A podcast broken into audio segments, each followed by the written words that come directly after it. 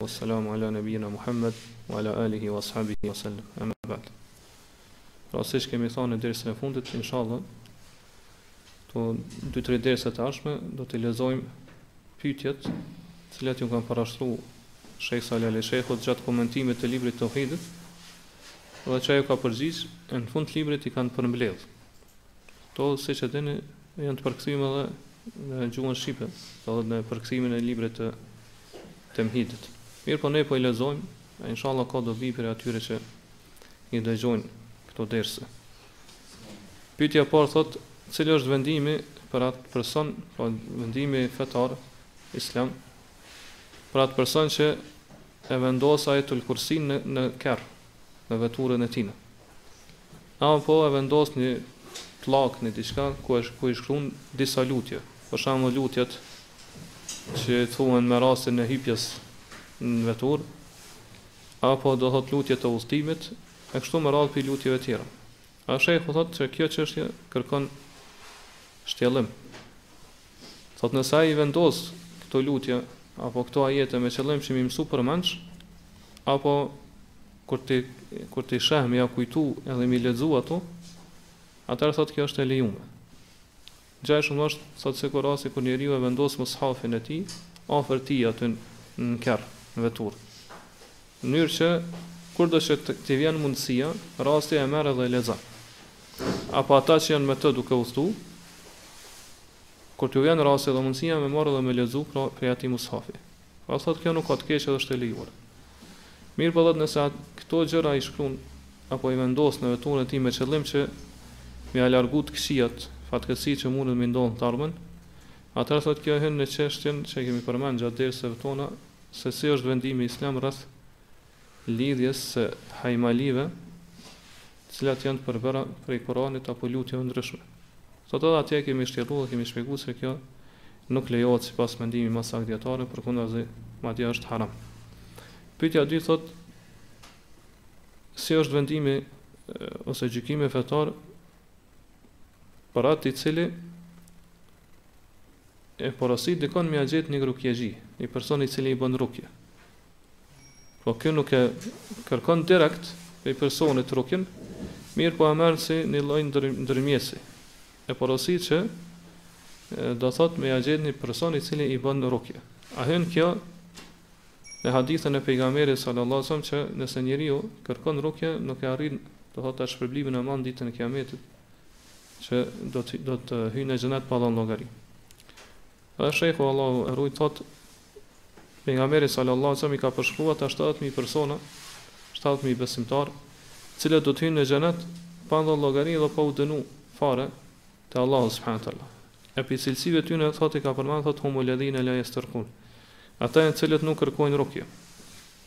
Ata janë të cilët nuk kërkojnë rukje prej tjerëve. Prandaj thotë edhe përgjigja ndaj kësaj pyetje e pason apo e ndjek këtë arsyetim që e ka dhënë pejgamberi sallallahu alajhi we selem në këtë hadith. Ngase po, po e tregon se këta janë që nuk kërkojnë rukje. La jesterkun do thotë nuk e kërkojnë prej tjerëve m'i bë rukje. Pse? Për arsye se do thotë në zemrat e tyre ekziston vetëm kërkim i ndihmës prej Allahut subhanahu wa taala, dhe që nuk janë nevojtarë për askënd prej krijesave. Pra, zemrat e tyre nuk janë të ndërlidhura me krijesat. Që krijesat edhe nëse do thotë Allahu ja ka lënë mundësinë e tyre, prapë ata nuk i lidhin zemrat e tyre për këto krijesa që me ia largu ato gjëra apo ato fatkeqësi që i kanë godit. Prandaj thot, qysh e kemi sqaruar këtë edhe gjatë derseve tona, e shkaku i do thot arsyeja e vërtetë do thot fakti që njeriu kërkon rukje prej dikujt apo nuk kërkon rukje prej tjetrit, po që ai me i largu një të keqe apo do thot përmes rukjes me largu atë që e ka goditë kështu me radhë është se parsyeja për këtë është se zemra e tij ndërlidhet me atë personin që i bën rukje.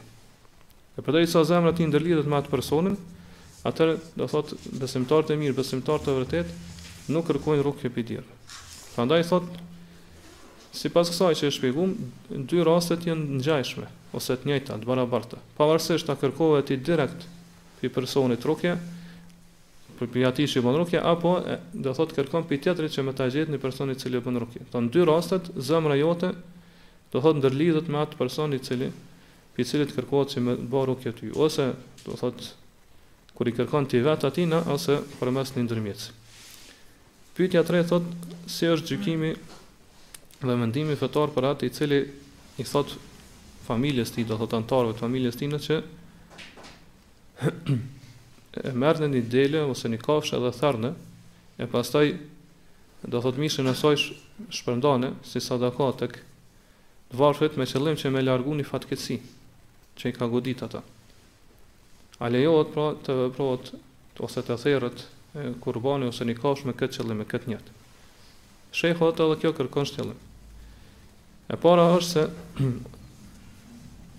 e therja e kurbanave apo apo kafshve nëse bëhet me qëllim të sadakas, pra që mishi i tyre të shpërndahet si sadaka në mesin e njerëzve, po nuk është me qëllim që me largu një gjë që ka ndodhë, apo një gjë, pra një të keqe që ka ndodhë, një fatkeqësi që, ka, që i ka godit ata, apo me largu një të keqe cila pritet të ndodhë, Po thjesht është po therret për me me dhon sadaka, për me ushqy të varfrit. Atë siç dihet në këtë vepër nuk ka gjë të keqe, është e lejuar dhe madje hyn do thot në përgjithësimin e haditheve, pra vërtet argumenteve, në të cilat na nxisin neve me ushqy të tjerë, pra edhe do thon hadithet edhe argumentet se do të flasin për vlerën e madhe që e ka ushqimi apo të ushqyerit e të varfërve. Mirëpo thot nëse therrja E këtij kurbanit bëhet me qëllim se në atë shtëpi është një i smut. Edhe therret kurbani që do thot me u largu smundja pi personit apo ajo keqja që ka godit. Atëherë thot kjo nuk lejohet edhe është haram. Pse nuk lejohet ngase thot në fenë islame ose në shariatin islam është e njohur parimi seddu dheria, apo me mbyll rrugët e të këqijave. Pra mundet një gjë që në esenc me kanë e lejuar, mirëpo përderisa dërgon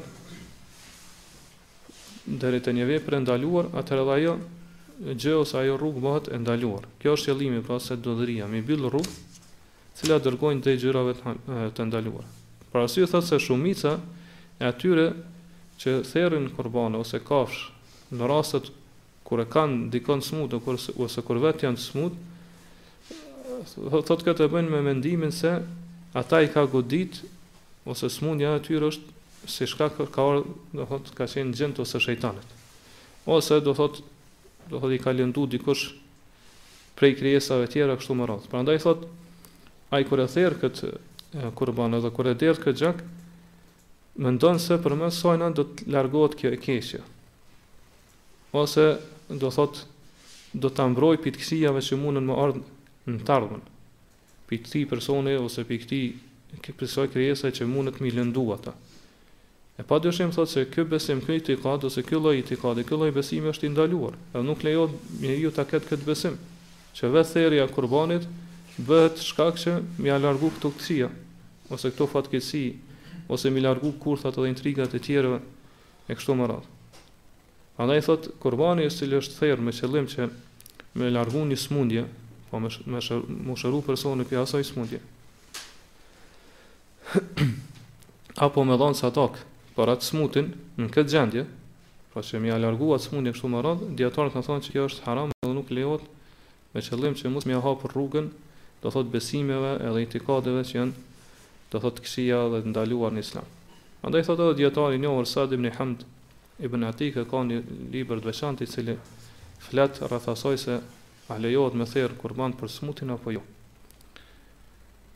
Po ashtu thotë ngjajshëm themi edhe kur personat e therrin kurban me qëllim që me largu ni të keqe që pritet me me, me ardh ose me godit.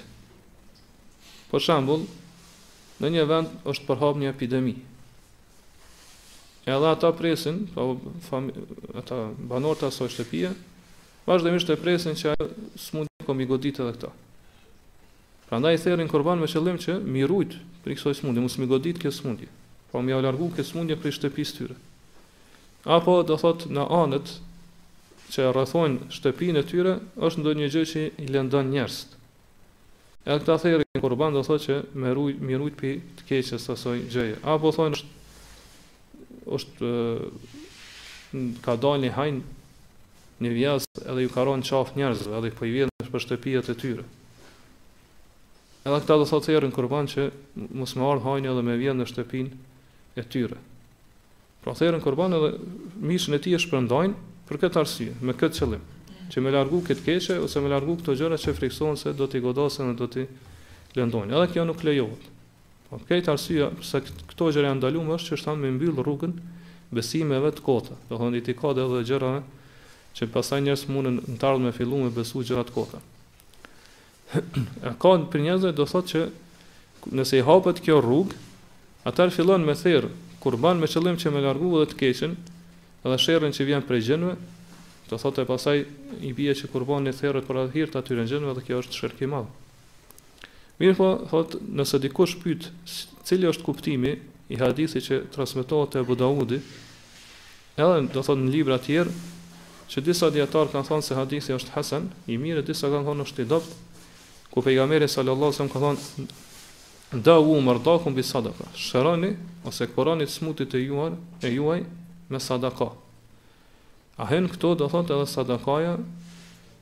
kur therret kurbani, do thotë kur derdhet gjaku edhe pastaj mishi i tij shpërndahet si sadaka. A hyn në këtë hadith të pejgamberit sallallahu alajhi wasallam apo jo? Ngase na e pamë që në raste të këtilla qysh e shpjegoi do thotë shehu, kjo gjithmonë mund të jetë një rrugë e cila çon në besime të kota.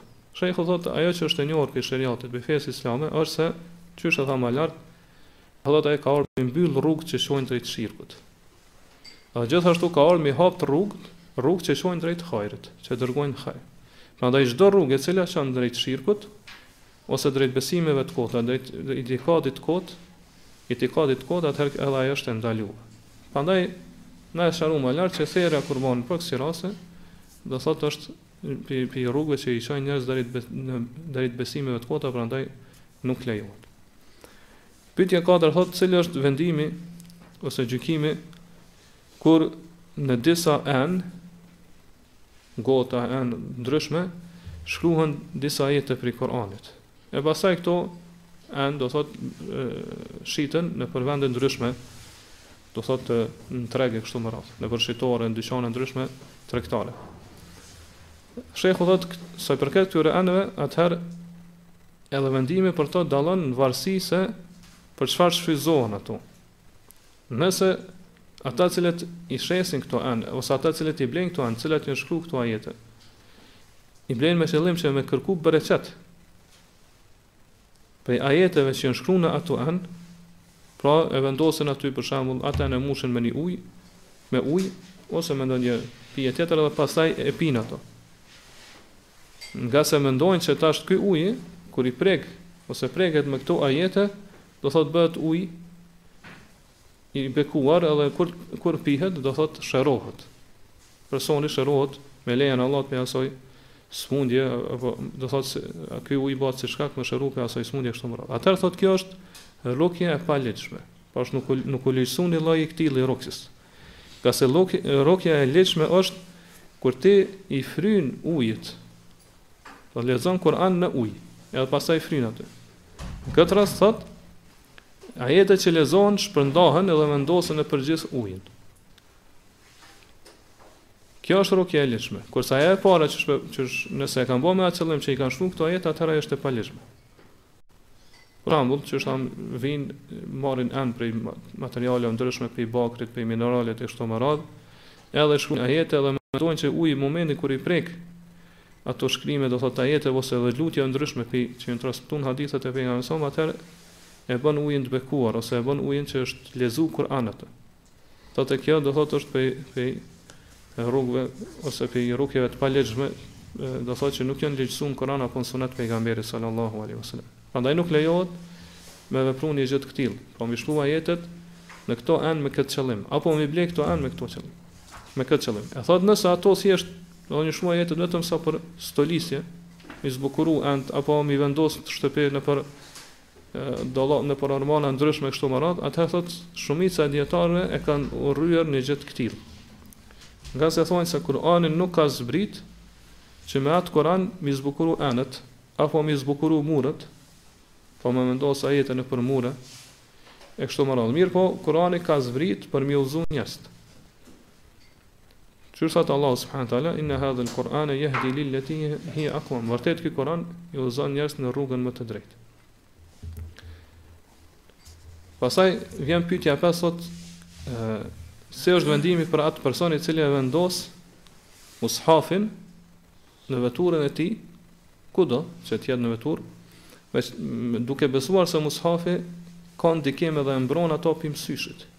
Pra ja largon mësyshin e mbron pi mësyshit ose e mbron pi të këqijave që munen mi ndodh.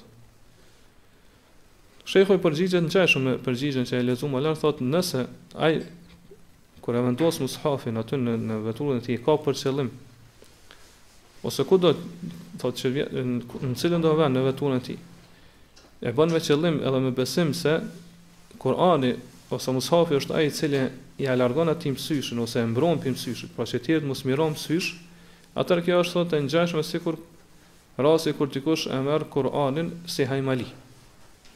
Thotë edhe ne kemi sqaruar dhe kemi shtjelluar këtë çështje se si është vendimi i, i vërtetë ose mendimi i saktë rreth lidhjes së hajmalive te cilat ka Kur'an. Po mendimi i saktë edhe i vërtetë është se nuk lejohen. Pra hajmalitë të cilat kanë Kur'an nuk lejohen të përdoren.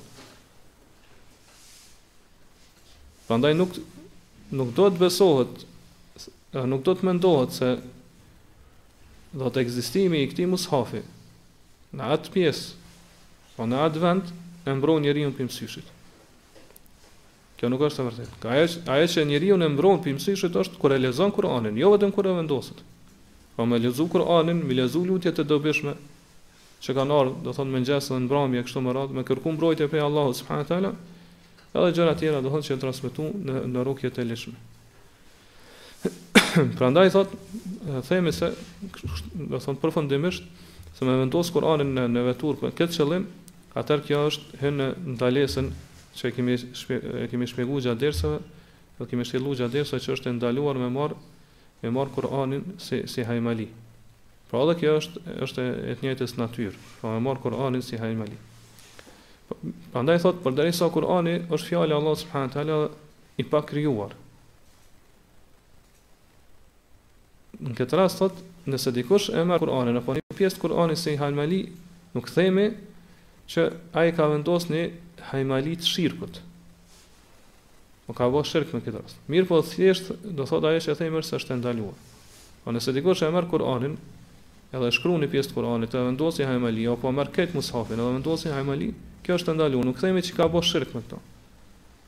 Mirëpo është e ndaluar. Pse është e ndaluar? Ngase pejgamberi sallallahu alajhi wasallam kurrë nuk e ka përdorur Kur'anin në këtë formë ose në këtë mënyrë. As nuk e ka vendos në qafat e askujt prej sahabëve, pavarësisht a kanë qenë fëmijë, të vegjël apo të mëdhenj. As nuk ka dhënë, nuk ka dhënë leje për një gjë të tillë, as nuk i ka udhëzuar sahabët me vepru kështu. Pra që me marr Kur'anin me vendos, me vendos në qafë, në gjoks apo në krah apo në bark e kështu me radhë.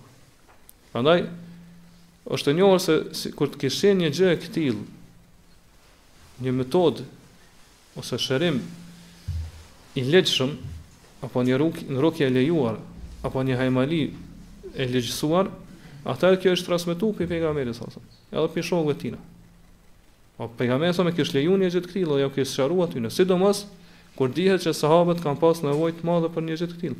Ngase me lidh Kur'anin është më lehtë se sa me hulum hulumtu për ndonjë person i cili bën rukje.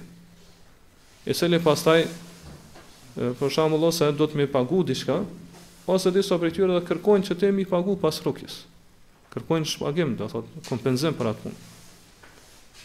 Dot' ma lehtë është me do thotë me vendos Kur'anin si hajmali, se sa me kërku dikënd që të bën rukje. E ne e dimë që Pejgamberi sallallahu alejhi wasallam gjithmonë sahabët i ka udhëzuar drejt asaj që është më e lehta. Ngase pejgamberi sallallahu alejhi wasallam është është dërguar si lehtësues. Prandaj gjithmonë kur ju ka ardhur mundësia me zgjedh mes dy gjërave ka zgjedh më të lehtën. Mirëpo kurrë nuk është transmetuar që pejgamberi sallallahu alajhi wasallam ja ka mësuar sahabëve që me zgjedh këtë metodë mënyrë më të lehtë që thjesht nëse kanë ndonjë problem me shëndet, me marr mushafin edhe me vendos do thotë në trupin e tyre edhe ajo pasaj do të thotë me kalu me lejen e Allahut. Prandaj kjo tregon se pra përmbajtja ose kuptimi dhe domethënia e këtyre argumenteve që i përmendëm më lart tregon se do të thotë një lloj i këtill i rukjeve ose një formë e këtillë e rukjeve apo hajmalive është e ndaluar. Pra edhe nëse dikush e vendos mushafin në në veturën e tij me qëllim që me mbrojt prej mësyshit apo prej prej belave, prej fatkeqësive, kjo nuk është e ligjshme.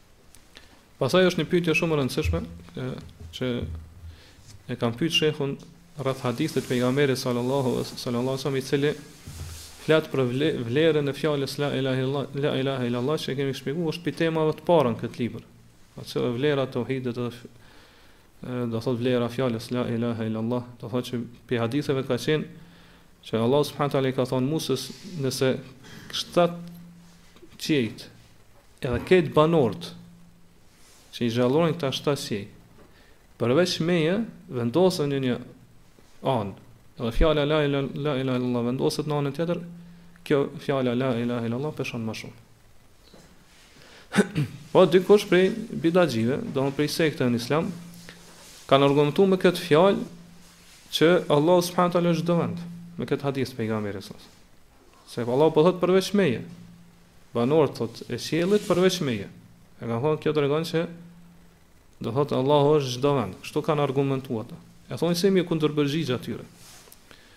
Edhe auto shehu Allah më shoh thotë që qëllimi me shtatë qiej këtu dihet janë shtatë qiej të njohur, pra ky univers, të cilët janë janë vendosur njëra mbi tjetrën. Kurse kur po thotë këtu wa amiruhunne ghairi, pra është hadith edhe ata të cilët banorët që e gjallërojnë këtë këta shtatë qiej përveç meje, thotë qëllimi me këto është me me gjallërim ose me mbush, me mbush këta qiej në aspektin kuptimor, jo fizik.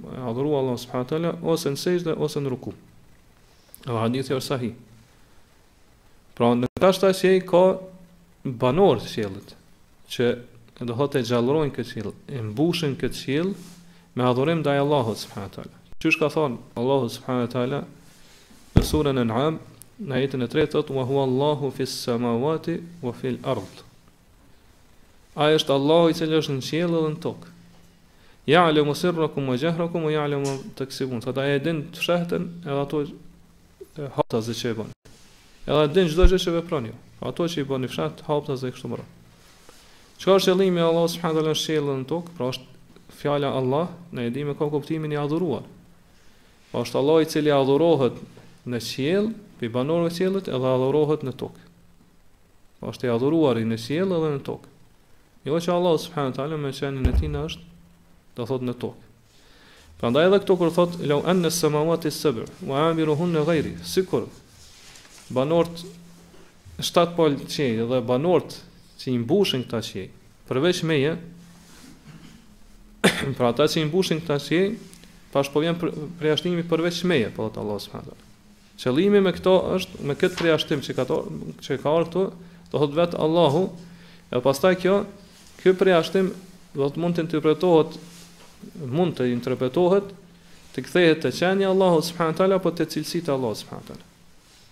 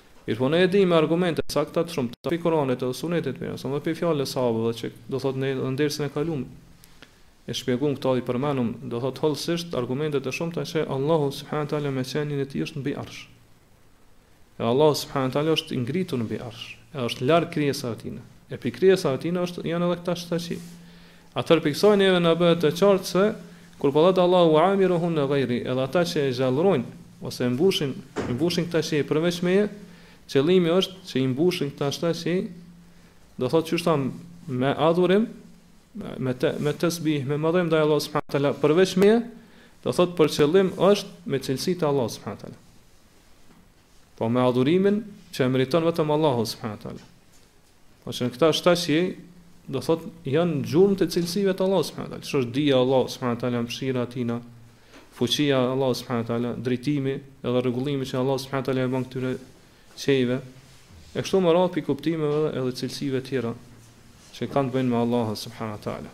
Po kjo është kuptimi përveç meje. Edhe kështu kuptohet kjo hadith. Pyetja 7 thotë një person e ka një familjar ose një t'afërm t'vetin smutë, edhe nuk ka gjetë ilaç për to. Se është një smundje për t'cilën do thotë mjekët kanë thonë se nuk ka shërim.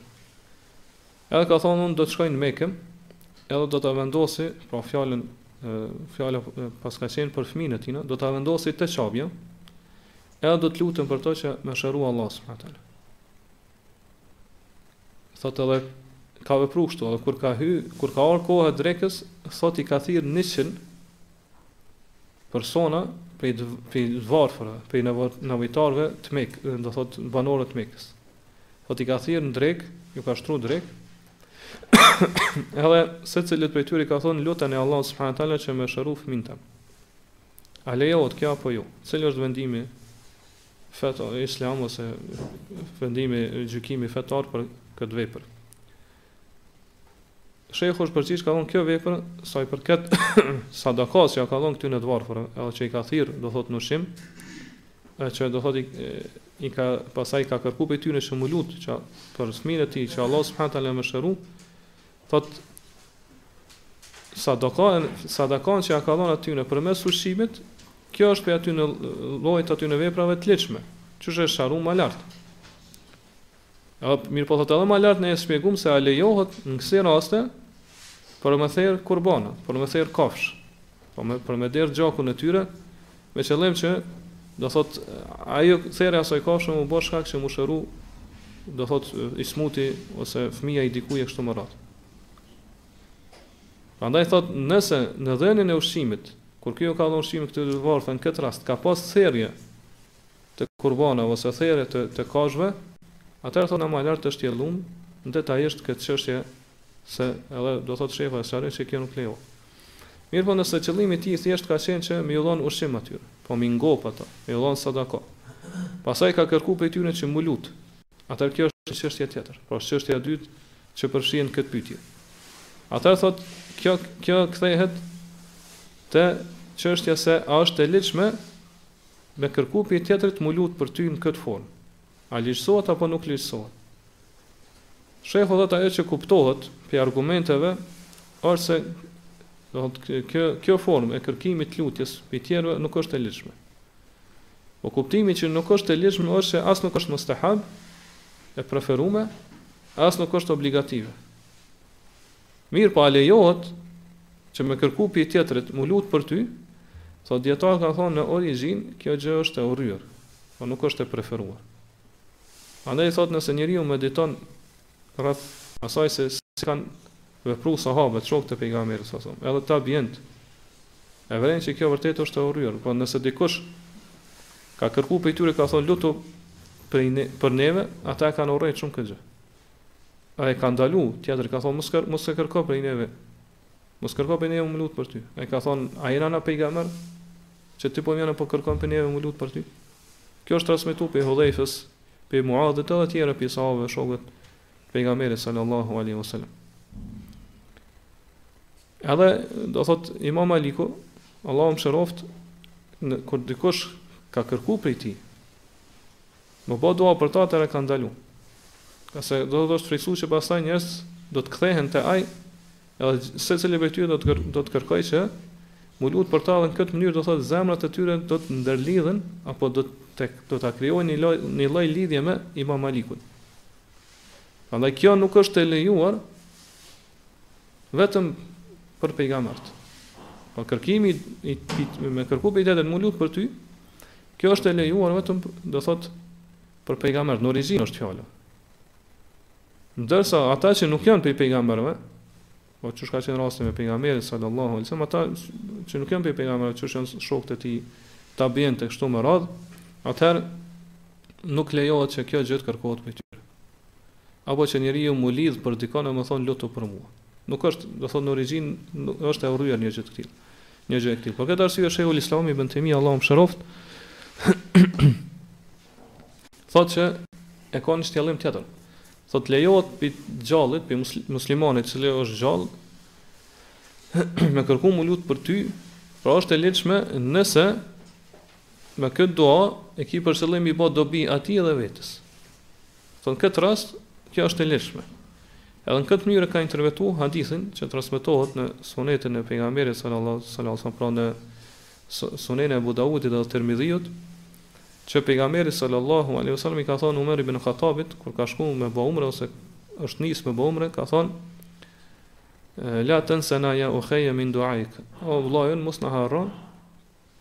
prej duasë tënde. Edhe pse ky hadith është i dobët, por zinxhiri i tijna është i dobët. E disa dijetarë kanë argumentuar me këtë hadith, mirëpo, siç po thotë Shejhul Islami, kuptimi i tijna i jashtëm, kuptimi i tijna i dukshëm është se pejgamberi sallallahu alajhi wasallam ka dashur me i bë dua, dobi Umerit, kur ai u lut për pejgamberin sallallahu alajhi wasallam. Po kjo ka qenë qëllimi i kërkesës së pejgamberit sallallahu alajhi wasallam. Pra, qëllimi i gjithë kësaj në këtij qëllimi është se siç thot vazhdon pra shehu përgjigjen thot se ajo që ka vepruar ky person me fëmijën e tina më parësore do të ishte që mos ta vepronte një gjë të këtillë. Në mënyrë që zemra e tij të mos lidhet me këta persona, të cilët janë lut për fëmijën e tij ose me duan e tyre.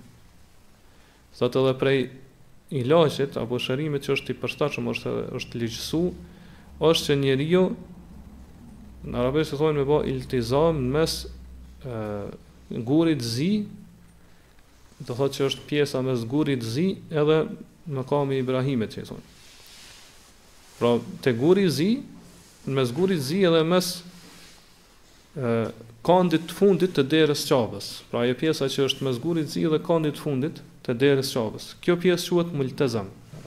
Multezem është marrë prej fjalës që njeriu me shku aty dhe mos m'u largu prej asaj vende. Po prej prej foljes jeltezim do thotë që nuk largohet prej atij vendi, e vendos barkun e tina, faqen e tina, edhe gjoksin e tij.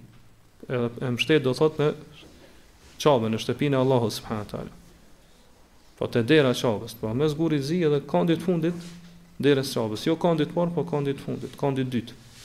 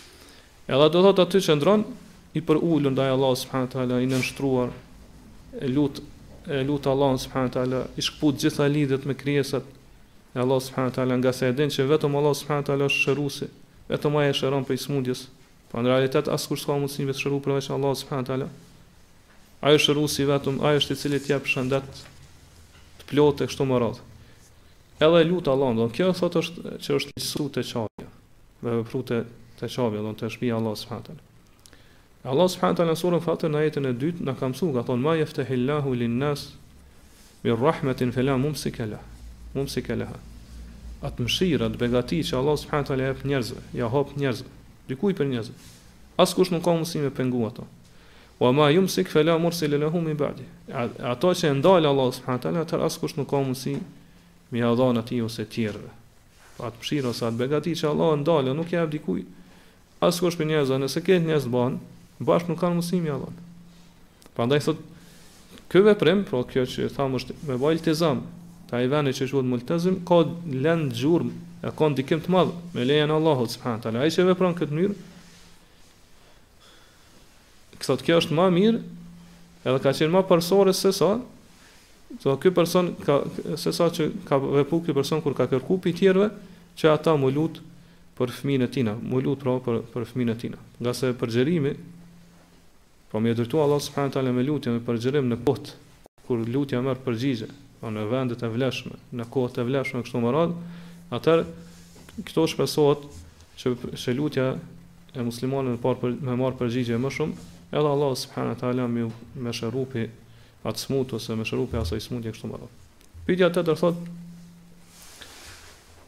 Ajo që ndodh prej shumë prej njerëzve është se nëse i ndodh diçka atina, në një çështje, edhe shpëton prej saj. Atëherë ja bën obligim vetes me dhon sadaka. Ose në mendjen e tina e ka do thonë mendon që e ka obligim me dhon sadaka në këtë rast. Si është vendimi për këtë? Shehu thotë se sadakaja në raste të këtilla nuk është obligative. Mirëpo është e preferuar. Po me falëndru Allahun subhanahu wa taala për mirësitë e tina, po nëse shpëton robin prej një fatkeqësi, apo e jep një gjë me cilën ai gëzohet shumë.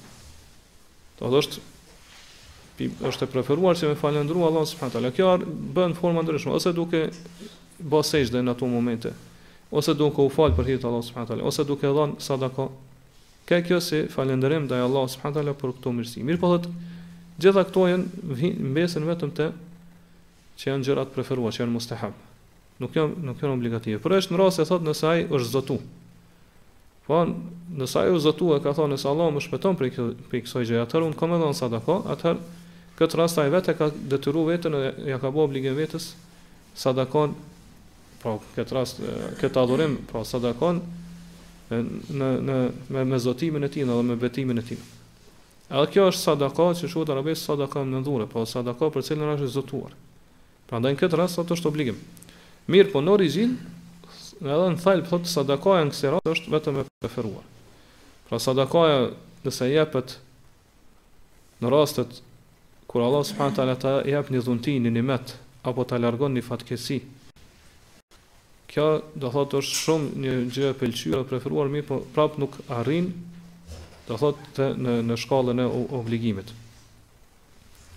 Pyetja e nëntë thotë, disa njerëz e kanë një adet, një zakon. Ajo është se nëse ndodh diçka mes tyre, për shembull mes dy persona ka ndonjë armiqësi ose urrejtje, thonë dikush i ka bo padrejtësi tjetrit e kështu me radhë, atëherë tjerët kërkojnë që për me me ardh deri te pajtimi mes tyre dy personave, ky me therrë një kurban, edhe këtë kurban e quajnë kurbani i pajtimit. Ose therja e pajtimit, therja e kurbanit pajtimit. Thotë edhe pastaj, e, e sjellin këtë kurbanin, edhe e sjellin, kur e therin këtë kurbanin, e ftojnë, e thrasin atë personin që Dëshirojnë mu pajtu me to, me kënaqë ato, me të cilin kanë armiqësi ose urrejtje e kështu me radhë, edhe therrin kurbanin atë, a lejohet kjo gjë apo jo? Shejhu thotë që kjo është një formë ose metodë shumë e njohur edhe e përhapur te disa prej fiseve. Pra kurbani i pajtimit që e quajnë. Mirëpo thotë kjo nuk lejohet.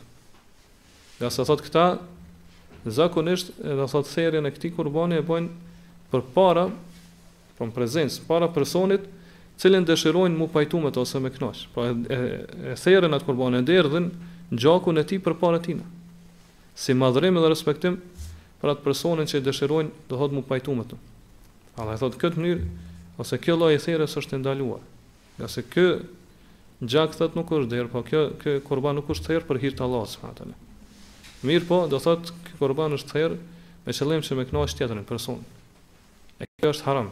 Madje thotë edhe me hangër prej mishit të asaj kafshë që u therë për me këtë qëllim është e ndaluar, është haram. Ngase nuk është therë për hir të Allahut subhanahu wa taala. E nëse thot therja e kurbanit në raste të këtilla ose në këtë formë bëhet me qëllim që njeriu mu afru edhe me madhru personin për cilin po therët kurbani, atëherë kjo thotë shirk i madh. Kalon në në shirk të madh. Mirëpo nëse nuk e ka këtë qëllim, po nuk bëhet me këtë nijet, me këtë qëllim që mu afru te ai edhe me madhru atë, atëherë vetëm mbetet në shkallën e haramit. Ngase pse është haram, ngase thotë nuk e ka therr këtë kurban sinqerisht për Allahun subhanahu teala, mirëpo për dikon tjetër. Prandaj thotë kjo formë për cilën është shtru pyetja, ne ke, thot gjatë derseve tona, thot shejhu kemi shpjeguar se e ka një formë të ngjashme me këto. Kur njerëz për shembull ka ardhur udhëheqësi i shtetit ose kryetari i shtetit në ditë të disa fise ose mbreti kështu me radhë, po momentin që ai ka zbrit aty te ata, ata kanë filluar mi therr kafshët e tyne. Po si si respekt edhe madhrim për atë mbretin ose për atë udhëheqësin e shtetit.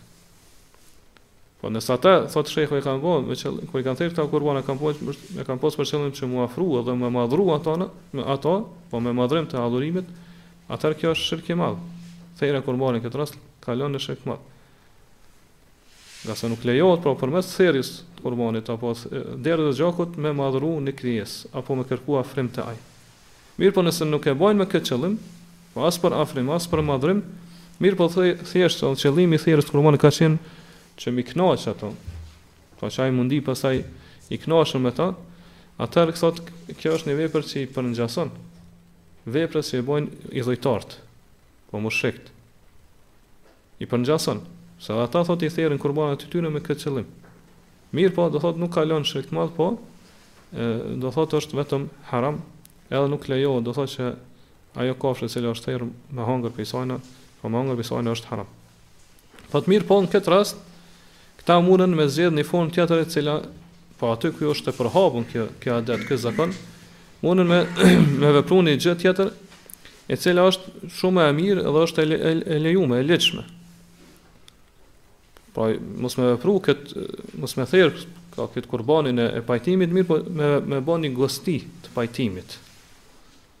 Pra, pastaj n'at gosti mundën me therr kafsh, të cilat do thotë i shërbejnë si dhënie të ushqimit apo për si mikpritje për musafirt.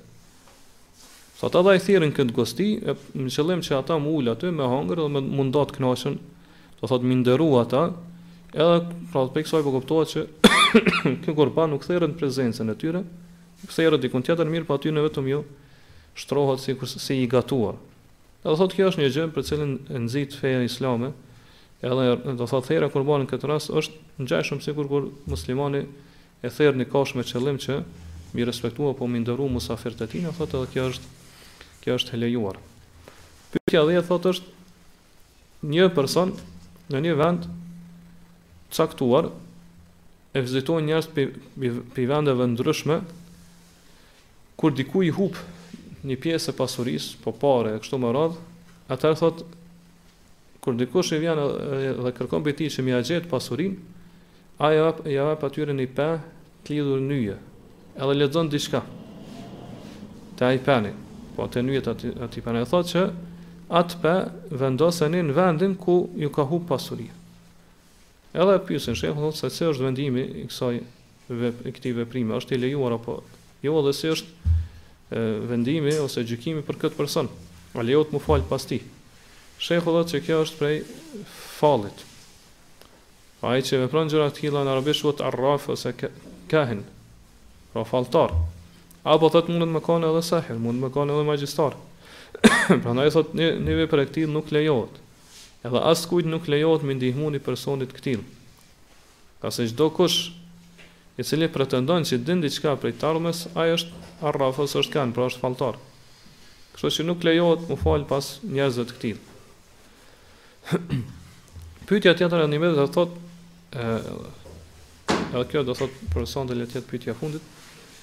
Thotë si kuptohet fjala e dietarëve që thonë shirku i vogël është mëkati më i madh prej mëkateve të mëdha. Qysh ka mundësi, thotë, të jetë kështu, kur shirku i madh konsiderohet prej mëkateve të mëdha. Po shirku i madh e dina që është mëkati më i madh prej mëkateve të mëdha. Po si shpjegohet edhe si largohet kjo paqartësi? Shejhu thotë se këto e kemi shpjeguar gjatë dersave tona, që mëkatet e mëdha janë dy lloje. Mëkatet e mëdha të cilat i referohen besimit, itikadit apo veprave, veprave të cilat shoqërohen me një lloj besimi. Edhe mëkatet e mëdha të cilat do të thotë i referohen vetëm veprimit. Po që nuk i shoqëron ndonjë itikad, ndonjë besim. Shembull për të parin, për shembull kur mëkatet e mëdha i shoqëron i shoqëron itikadi besimi është të gjitha llojet e shirkut të madh. Për shembull kur njeriu kërkon ndihmë dhe mbrojtje prej dikujt tjetër përveç Allahut, kur therr kurban për dikon tjetër veç Allahut subhanahu teala, kur zotohet në emër të dikujt tjetër veç Allahut e kështu me radhë. Këto këto janë vepra, veprime, njeriu i kryen këto me gjymtyrët e tij, veprime të jashtme. Mirëpo janë prej mëkateve të mëdha, ngase do thotë ato i shoqëron një lloj itikadi, besimi. Edhe ky lloj besimi i shndrron ato në shirk të madh.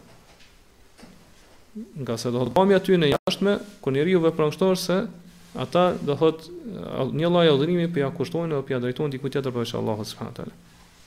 Edhe në zemrën e personit i cili i vepron këto gjëra, është vendosur shirku në Allahun subhanahu teala. Ngase ai përmes këtyre veprimeve, përmes këtyre fjalëve, përmes këtyre lutjeve që i bën, do thotë po e madhron dikon tjetër, po, një krijesë, dikon tjetër përveç Allahut subhanahu teala. Edhe, do thot, përmes këtyre fjalëve ose përmes këtyre veprimeve, ai po beson se dikush tjetër përveç Allahut subhanahu taala e meriton adhurimin. Po ose beson se dikush tjetër përveç Allahut e meriton adhurimin në mënyrë të pavarur, ose e meriton adhurimin si ndërmjetës mes tij dhe mes Allahut subhanahu taala. Po kjo është lloji i parë i mëkateve të mëdha. Lloji i dytë i mëkateve të mëdha thotë janë mëkatet që ndërlidhen me veprat. Mëkatet e mëdha veprore. të cilat njeriu kur i vepron nuk i vepron nga aspekti i besimit, që beson diçka rreth, nuk që ka një lloj itikadi. Këtu thjesht, thotë, hinë mëkatet tjera veprore, siç janë zinaja, konsumimi i alkoholit, vjedhja, me marrë kamatën, me hongër padrejtësisht pasurinë e jetimit, që i ka përmend pejgamberi si mëkate të mëdha, me, me, me lëshu frontin, do thotë, kur takosh me armikun, edhe tjera, do thotë, prej mëkateve të mëdha shkatruse. Kur njeriu vepron këto këto mëkate thjesht do të thotë i vepron jo me me ndonjë lloj itikadi, jo me ndonjë lloj besimi. Për këtë arsye, pra mëkatet e mëdha ndahen në këto dy lloje, në këto dy grupe. Prandaj shirku i vogël e më parë se ai, do të thotë, edhe shirku i madh është pra sa i përket llojit, shirku i vogël sa i përket llojit është mëkati më i madh Prej mëkateve veprore. Prej mëkateve të mëdha veprore të cilat i vepron njeriu. Shirku i vogël është mëkat më i madh se sa mëkatet e mëdha veprore, pra mëkatet që i vepron njeriu. Mirpo, kjo është sa i përket llojit. Pra llojet e shirkut të madh, edhe pse janë thjesht shprehje, thënie, për shembull kur thotë njeriu çfarë deshte Allahu, deshte ti. Ai që betohet në dikon tjetër veç Allahut subhanahu teala. Ai që dhuntitë dhe mirësitë e Allahut ia atribuon dikujt tjetër përveç Allahut. Ose largimin e të këqijave, fatkeqësive, ia atribuon dikujt tjetër përveç Allahut. Ose do thotë lidhja e hajmalive, me lidh hajmalin në trup e kështu me radhë. Gjitha këto, në sa i përket llojit, mëkati i tyre është është më i madh se sa mëkatet e tjera të mëdha që i vepron. Po kuptohet, edhe këto tjera janë prej mëkateve.